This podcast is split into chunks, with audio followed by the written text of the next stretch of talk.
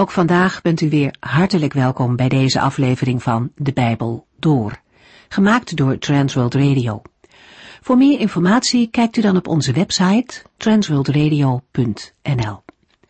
In deze serie gaat u in vijf jaar tijd met ons de Bijbel door, van Genesis 1 tot en met het laatste vers in Openbaring 22.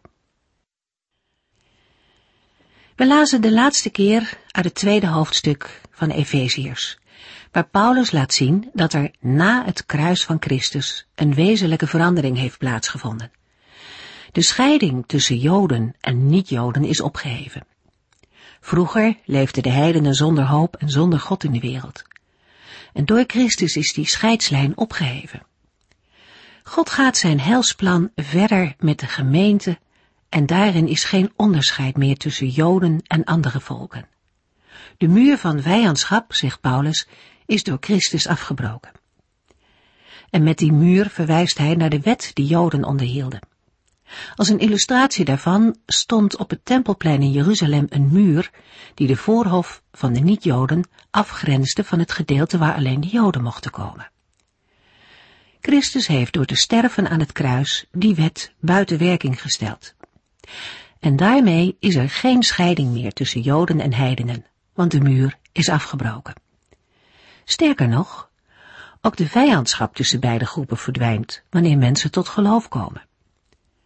In Christus is er een verbondenheid. Er staan mensen uit beide groepen op dezelfde grond. Door het kruis is er verzoening met God en komt er een einde aan de tegenstelling tussen de groepen. De vrede van God is beschikbaar, zowel voor de mensen die ver van God leefden, als voor hen die al dicht bij God waren. Door de vrede met God is er ook onderlinge vrede mogelijk. In zijn brief schrijft Paulus dat uit de twee groepen nu een nieuwe gemeente is ontstaan. Hij maakt de vergelijking met een lichaam. Christus is het hoofd en alle gelovigen samen vormen het lichaam. Ze worden aangestuurd door het hoofd. Bovendien hebben Joden en niet-Joden dezelfde Heilige Geest ontvangen, door wie ze bij de Vader mogen komen. En dat is nog niet alles. Beide groepen delen ook in dezelfde toekomst bij God. Paulus onderstreept die eenheid nog eens met drie voorbeelden. De inwoners van een stad, de leden van een huisgezin en een gebouw, de tempel. Gelovigen uit de Joden en heidenen vormen een eenheid die verbonden is met Christus zelf. Door hem groeien zij verder uit tot een woonplaats voor God. We lezen verder in Efeziërs 3. Efeziërs 3 begint met een vers dat niet wordt afgemaakt, omdat het hoofdwerkwoord ontbreekt. Pas in vers 14 neemt Paulus de draad weer op en gaat verder met een gebed voor de lezers. Voordat het zover is, gaat hij nog even in op zijn persoonlijke roeping en zijn inzicht in het geheimenis van Christus. Efeziërs 3 vers 1 en 2 Ik zit omwille van Christus Jezus in de gevangenis, omdat ik zeg dat u, die geen Joden van geboorte bent, ook tot Gods huis behoort. U hebt ongetwijfeld gehoord dat God zo goed is geweest mij een speciale taak voor u te geven. De apostel ontving door openbaring de bijzondere opdracht het geheimenis of de verborgenheid van zijn verkondiging dat niet-Joden die in Christus geloven ook tot Gods huis behoren. Onder het Oude Testament was dat niet zo bekend als nu, na de komst van Christus. De Heilige Geest heeft aan de Nieuwtestamentische apostelen en profeten geopenbaard dat de niet-Joden, de heidenen, ten volle deel mogen hebben aan de redding van Christus en ook bij het volk van God, bij zijn gezin horen. De apostel moet deze rijkdom van Christus verkondigen, opdat door de gemeente aan de heersers en machten in de hemelsfeer getoond wordt hoe rijk en volmaakt Gods wijsheid is. Bij zo'n grote taak voelt de apostel zich klein. In vers 7 schrijft Paulus dat hij het alleen maar kan omdat God zo goed is hem er de kracht voor te geven. In vers 1 schrijft Paulus dat hij gevangen zit omwille van Christus Jezus. Aan zijn medewerker Timotheus schrijft de apostel in 2 Timotheus 1 vers 8. Wees nooit bang om anderen over onze Heer te vertellen, of ervoor uit te komen dat je mijn vriend bent, hoewel ik ter wille van Christus in de gevangenis zit. Je moet bereid zijn met mij voor de Heere te lijden. Hij zal je de kracht ervoor geven. Als we deze woorden overdenken, dan blijkt dat ook Paulus zijn worstelingen kende en dat hij uit eigen ervaring weet dat de Heere kracht geeft om vol te houden en voor hem te lijden. Ook in zijn latere leven heeft de apostel in de gevangenis gezeten door zijn geloof in Jezus Christus. Als we bij de brief aan de Efeziërs moeten denken aan de gevangenschap van Paulus in Rome of Caesarea, dan heeft de Heer hem van tevoren laten weten dat dit moest gebeuren. Paulus is door de Heere geroepen als apostel voor de niet-Joden. In vers 2 schrijft hij aan de gelovigen, met name aan de niet-Joden van de stad Efeze, u hebt ongetwijfeld gehoord dat God zo goed is geweest mij een speciale taak voor u te geven. Juist daarom zit de apostel in de gevangenis. Voor de Joden was de verkondiging van Paulus steeds aanleiding hem te vervolgen en voor het gerecht te brengen. Zij misgunden de niet-Joden de toegang tot het heil van God. In het Bijbelboek Handelingen hebben we daar verschillende voorbeelden van gelezen. Ik breng één voorbeeld in herinnering, Handelingen 13. Paulus en zijn gezelschap waren doorgereisd naar een plaats in Pisidië die ook Antiochië heette en bleven daar een tijd. Op de Sabbat gingen ze naar de synagoge. Na een toespraak van Paulus verlaten hij en Barnabas de synagoge en wordt hen gevraagd de volgende Sabbat terug te komen en weer over Jezus te spreken. We lezen in Handelingen 13, vers 44 tot en met 47. De volgende Sabbat liep bijna de hele stad te hoop om te horen wat er over Jezus Christus zou worden gezegd. De Joodse leiders werden kwaad, omdat Paulus en Barnabas zo in de belangstelling stonden. Ze waren erg jaloers en spraken Paulus met grove taal fel tegen. Paulus en Barnabas lieten zich niet van hun stuk brengen en zeiden, vanzelfsprekend moest u het eerst horen wat God te zeggen heeft. Maar nu u er niets van moet hebben en daarmee bewijst het eeuwige leven niet waar te zijn, gaan wij het de niet-Joodse mensen vertellen, want dat heeft de Heer ons opgedragen. Hij zei, ik heb u gemaakt tot een licht voor de niet-Joodse volken, om redding te brengen tot in de verste uithoeken van de aarde.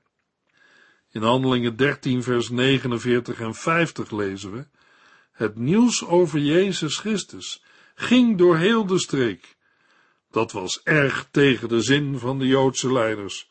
Zij hitsten voorname gelovige vrouwen en het stadsbestuur op en slaagden erin een vervolging tegen Paulus en Barnabas te ontketenen, zodat die uit dat gebied werden verjaagd.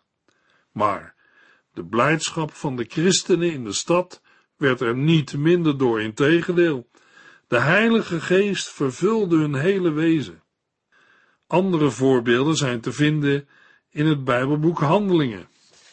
Paulus schrijft aan de Efeziërs: Ik zit omwille van Christus Jezus in de gevangenis, omdat ik zeg dat u, die geen Joden van geboorte bent, ook tot Gods huis behoort. U hebt ongetwijfeld gehoord dat God zo goed is geweest mij een speciale taak voor u te geven. Efeziërs 3, vers 3 en 4. Wat ik hiervoor in het kort schreef, was tot nog toe onbekend. Maar God heeft het mij duidelijk gemaakt. Daaraan kunt u zien hoe goed ik begrijp wat voor bedoeling God met Christus heeft. De apostel heeft in de vorige verse geschreven dat hij in de gevangenis terecht is gekomen, omdat hij verkondigde dat niet-Joden ook tot Gods huis behoren. Nu hebben de niet-Joden nieuwe voorrechten gekregen. Deze voorrechten heeft Paulus in Efeziërs 2 opgesomd. Vanwege al de genoemde voorrechten voor de niet-Joden gaat de apostel voor hen bidden. De woorden van zijn gebed lezen we pas in vers 14. Voordat Paulus voor hen gaat bidden, wijdt hij uit over het mysterie van Gods genade. Alles van vers 3 tot en met 14 gaat over de onthulling van een geheimenis van God. Paulus spreekt over Gods plan en opdracht voor zijn leven. U hebt ongetwijfeld gehoord dat God zo goed is geweest mij een speciale taak voor u te geven. Vergeleken met andere apostelen was de bediening van Paulus anders en speciaal. In Gelaten 2 vers 6 tot en met 8 schrijft Paulus, de voornaamste leiders van de christenen hadden niets toe te voegen aan de boodschap die ik breng. Het interesseert mij niet wat voor positie die mannen vroeger hadden. Voor God maakt dat geen verschil. Zij zagen in dat het mijn opdracht was het goede nieuws onder de andere volken bekend te maken, zoals het de opdracht van Petrus was het aan de Joden te brengen. God zette Petrus in als apostel voor de Joden en mij als apostel voor de volken die God nog niet kenden. De boodschap van het evangelie was niet veranderd, maar de Heere gebruikte voor Joden en niet-Joden verschillende boodschappers. Het geheimenis dat de niet-Joden in Christus medeburgers van de Joodse christenen en huisgenoten van God zijn, als ook dat zij nu bij het volk van God horen en bij zijn gezin, lazen we al in Efeziërs 2 vers 19. Deze verborgenheid moest eerst aan Paulus zelf worden geopenbaard. De apostel schrijft, wat ik hierover in het kort schreef, was tot nog toe onbekend, maar God heeft het mij duidelijk gemaakt. Het Griekse woord voor onbekend betekent openbaring of onthulling. Op andere plaatsen in de Bijbel wordt het gebruikt om het wegnemen van een bedekking aan te geven. De Heere zelf nam bij Paulus de bedekking weg en toonde hem zijn geheimenis. Dat Paulus openbaringen ontving over zijn roeping voor de niet-Joden blijkt in Handelingen 22 en 26. Ook de inhoud van de evangelieprediking aan de niet-Joden had apostel Paulus door openbaring van Jezus Christus ontvangen en geleerd. In Gelaten 1 vers 11 en 12 schrijft Paulus, U moet weten, broeders en zusters, dat het goede nieuws dat ik bekend maak, niet door mensen is bedacht. Ik heb het niet van mensen ontvangen, maar Jezus Christus zelf heeft het mij bekendgemaakt. Met de aanduiding geheimenis of verborgenheid wordt niet verwezen naar iets dat geheimzinnig is, maar op iets dat nog niet bekend is, nog niet geopenbaard. Het wordt gebruikt voor die delen van Gods reddingsplan die bij mensen onbekend waren. In Romeinen 16, vers 25 en 26 lezen we: God is machtig om u sterk te maken in uw geloof. Dat is het goede nieuws over Jezus Christus dat ik breng. De waarheid over hem is eeuwenlang verborgen gebleven, maar nu bekendgemaakt. In de boeken van de profeten werd er al over gesproken. Maar nu heeft de eeuwige God opdracht gegeven dat alle volken het moeten horen, opdat zij hem gaan gehoorzamen en vertrouwen. In Efeziërs 3 vers 4 zegt Paulus, daaraan kunt u zien hoe goed ik begrijp wat voor bedoeling God met Christus heeft. Aan de hand van wat Paulus de gelovigen in de stad Efeze schreef, konden zij ontdekken welk inzicht de Heere de apostel in dit geheimenis had gegeven. Het is niet Paulus' bedoeling alle aandacht op zichzelf te vestigen, maar hij hoopt dat de lezers datgene wat de Heere hem heeft laten zien, als gezaghebbend zullen aanvaarden. Uit Colossense 2 vers 16 en 18 blijkt dat er in de christelijke gemeente ook dwaalleraars waren die zich tegenover Paulus opstelden. Paulus wil graag dat zijn brief regelmatig in de samenkomsten van de gemeente wordt voorgelezen, opdat iedereen het zou begrijpen. In Colossense 2 vers 2 schrijft de apostel, ik wil graag dat u bemoedigd zult worden en door sterke liefde aan elkaar verbonden blijft. En dat u de rijke ervaring zult hebben van het kennen van Christus. Want Gods geheim, dat hij nu ten slotte heeft bekendgemaakt, is Christus zelf. De praktische betekenis van Gods geheim is dat in Christus zowel Joden als niet-Joden toegang hebben tot het heil van God. In Colossense 1 vers 27 lezen we over Gods geheim. Dit is het geheim, dat Christus in u leeft. Hij is uw hoop op Gods heerlijkheid. Efesius 3 vers 5 en 6 Vroeger is dat altijd voor de mensen verborgen gebleven. Maar nu heeft God het door de Heilige Geest aan zijn apostelen en profeten bekendgemaakt.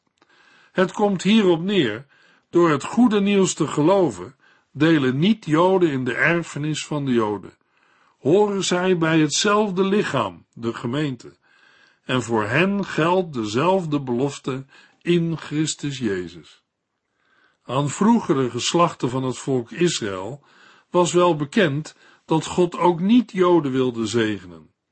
Maar de verborgenheid of het geheimenis dat de scheiding tussen Joden en niet-Joden in Christus is weggenomen, was aan Israël niet bekendgemaakt. Dat geheimenis is pas nu geopenbaard, waarmee Paulus de periode na Pinksteren bedoelt. Daaruit blijkt ook dat de genoemde profeten geen profeten uit het Oude Testament zijn, maar uit het Nieuwe Testament. Trouwens, Paulus zelf rekende zich zowel tot de apostelen als ook tot de profeten. In Colossense 1 vers 26 hebben we gelezen dat de Heere dit geheimenis heeft bekendgemaakt aan hen die hem liefhebben en voor hem willen leven. De gelovigen ontvingen deze openbaring door de vervulling met de Heilige Geest. Daardoor werden zij in staat gesteld meer dan ooit tevoren de rijkwijde van Gods reddingsplan te zien. Het mysterie was niet dat niet de Joden gered konden worden. Het Oude Testament laat dat op heel wat plaatsen zien. Het geheimenis was wat we hebben gelezen in vers 6. Door het goede nieuws te geloven, delen niet-Joden in de erfenis van de Joden. Horen zij bij hetzelfde lichaam, de gemeente, en voor hen geldt dezelfde belofte in Christus Jezus. In 1 Corinthians 10 vers 32 maakt Paulus duidelijk dat de mensheid nu uit drie groepen bestaat, namelijk Joden, niet-Joden of heidenen en gelovigen in Christus. Bij deze laatste groep is het onderscheid tussen Joden en niet-Joden weggevallen en zijn zij samen een nieuwe groep geworden, de gemeente van Christus. De gemeente van Christus is op de Pinksterdag geboren, nadat Christus naar de hemel was teruggekeerd. En Christus is het hoofd van zijn gemeente, zijn lichaam. Pas in vers 6 wordt het geheimenis in al zijn diepte uitgelegd. In Christus zijn niet-Joden en Joden volkomen gelijkwaardig. Paulus drukt dit uit met drie woorden. Niet-Joden zijn mede-erfgenamen omdat zij samen met de Joodse gelovigen zullen delen in de hemelse erfenis. In de tweede plaats horen zij bij hetzelfde lichaam. De gelovige niet-Joden maken deel uit van het lichaam van Christus, de gemeente. Ten slotte noemt Paulus, voor hen geldt dezelfde belofte in Christus Jezus. Deze belofte bestaat in de Heilige Geest, die het onderpand is van de uiteindelijke belofte, het koninkrijk van God. Dit alles ontvangen de gelovigen door hun geloofsverbondenheid met Christus. Efeziërs 3 vers 7 God heeft mij de taak gegeven dit overal bekend te maken. Dat is een geweldig voorrecht. Ik kan het alleen maar omdat God zo goed is mij er steeds weer de kracht voor te geven. In Efeziërs 3, vers 2 sprak Paulus over een speciale taak voor u, de niet-Joden. In vers 7 komt hij daarop terug en getuigt dat het een geweldig voorrecht is dat hij Gods geheim overal bekend mag maken. Daarmee karakteriseert Paulus zijn bediening als een voorrecht, een gave van genade die hem door God is gegeven. Paulus' dienstbetoon is niet alleen overeenkomstig Gods genade, maar ook overeenkomstig de kracht die de Heer hem er steeds weer voor geeft. Daarbij kunnen we denken aan kracht in lijden en gevangenschap, als ook aan de overtuigende bewijzen en wonderen uit Romeinen 15 vers 19, die de Heere door Paulus heen bewerkte. Efeziërs 3 vers 8 en 9. En dan te bedenken dat ik de minste van alle gelovigen ben. Alleen door de genade van God mag ik andere volken op de onvoorstelbare rijkdom van Christus wijzen. Ik mag de mensen laten zien hoe God, die alles gemaakt heeft, zijn verborgen plan uitvoert.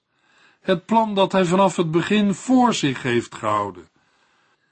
Dat Paulus niet de bedoeling had zichzelf te roemen met de woorden van vers 3 en 4, blijkt nu in vers 8, waarin hij zijn verwondering uitspreekt over het feit dat hij zo'n grote bediening heeft gekregen. Hij noemt zichzelf de allerminste van alle gelovigen, omdat hij de gemeente had vervolgd. Paulus ziet het als een bijzondere genade van God, dat juist hij het evangelie mag verkondigen aan de niet-Joden. Hij mag andere volken wijzen op de onvoorstelbare rijkdom van Christus.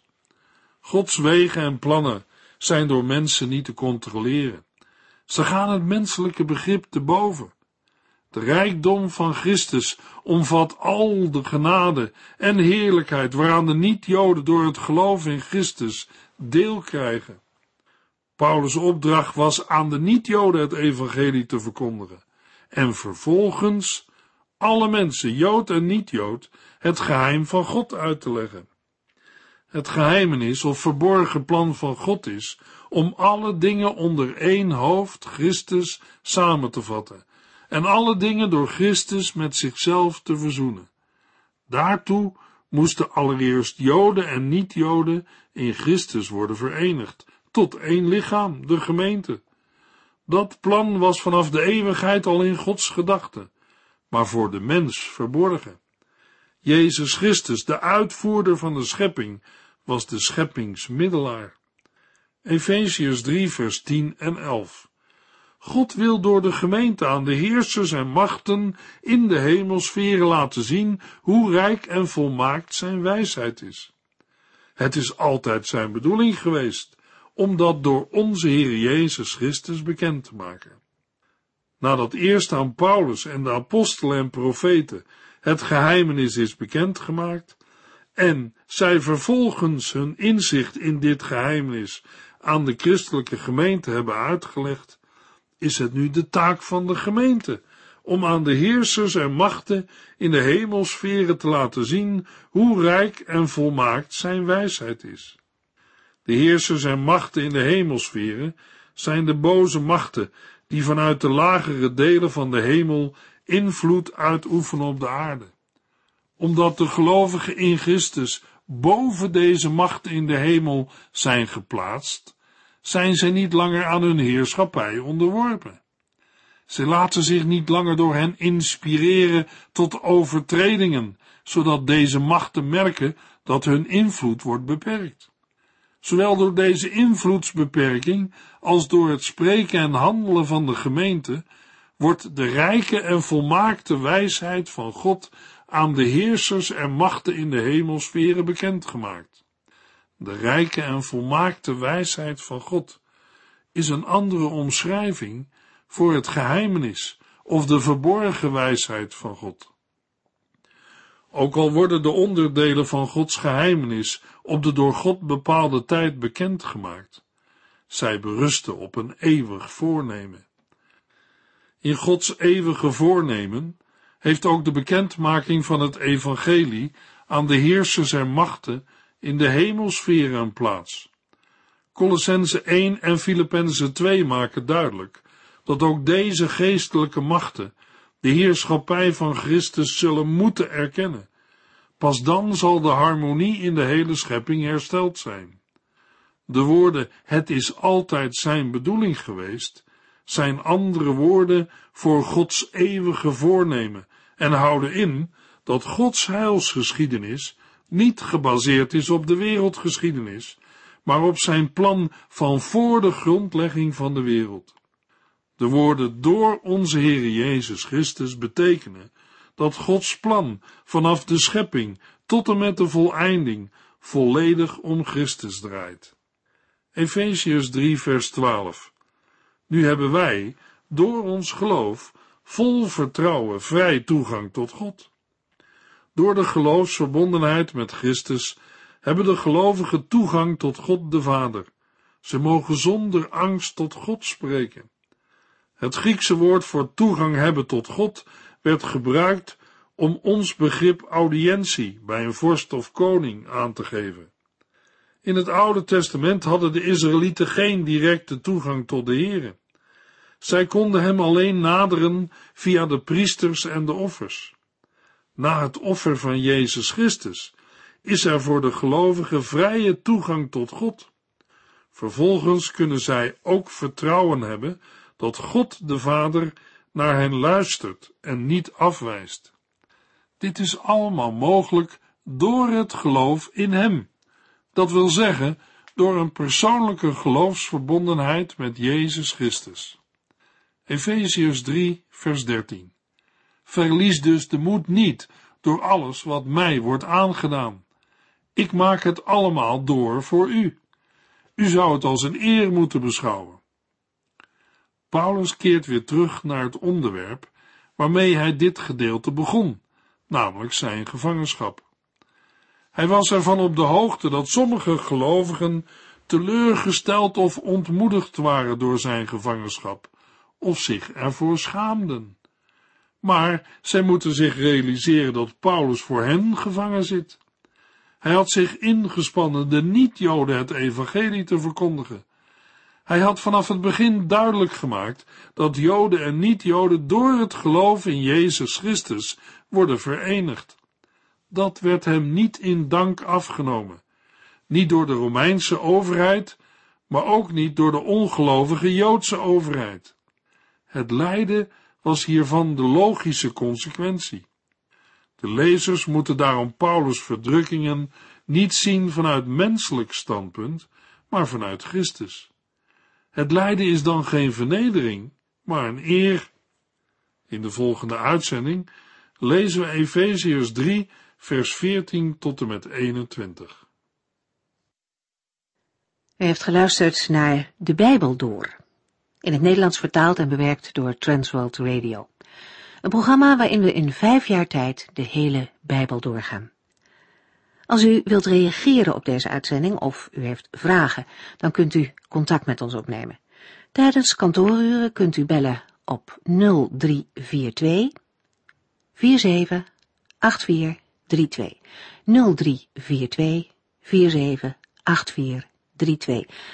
Ook kunt u een e-mail sturen naar de door at transworldradio.nl en natuurlijk kunt u ook via de post ons bereiken. TWR, postbus 371, postcode 3770, AJ in Barneveld. Dit programma werd gepresenteerd door Cor Weda en Ike André. Techniek was in handen van Odin van Voorkom. En wij allemaal bedanken u voor het luisteren. Graag tot de volgende keer.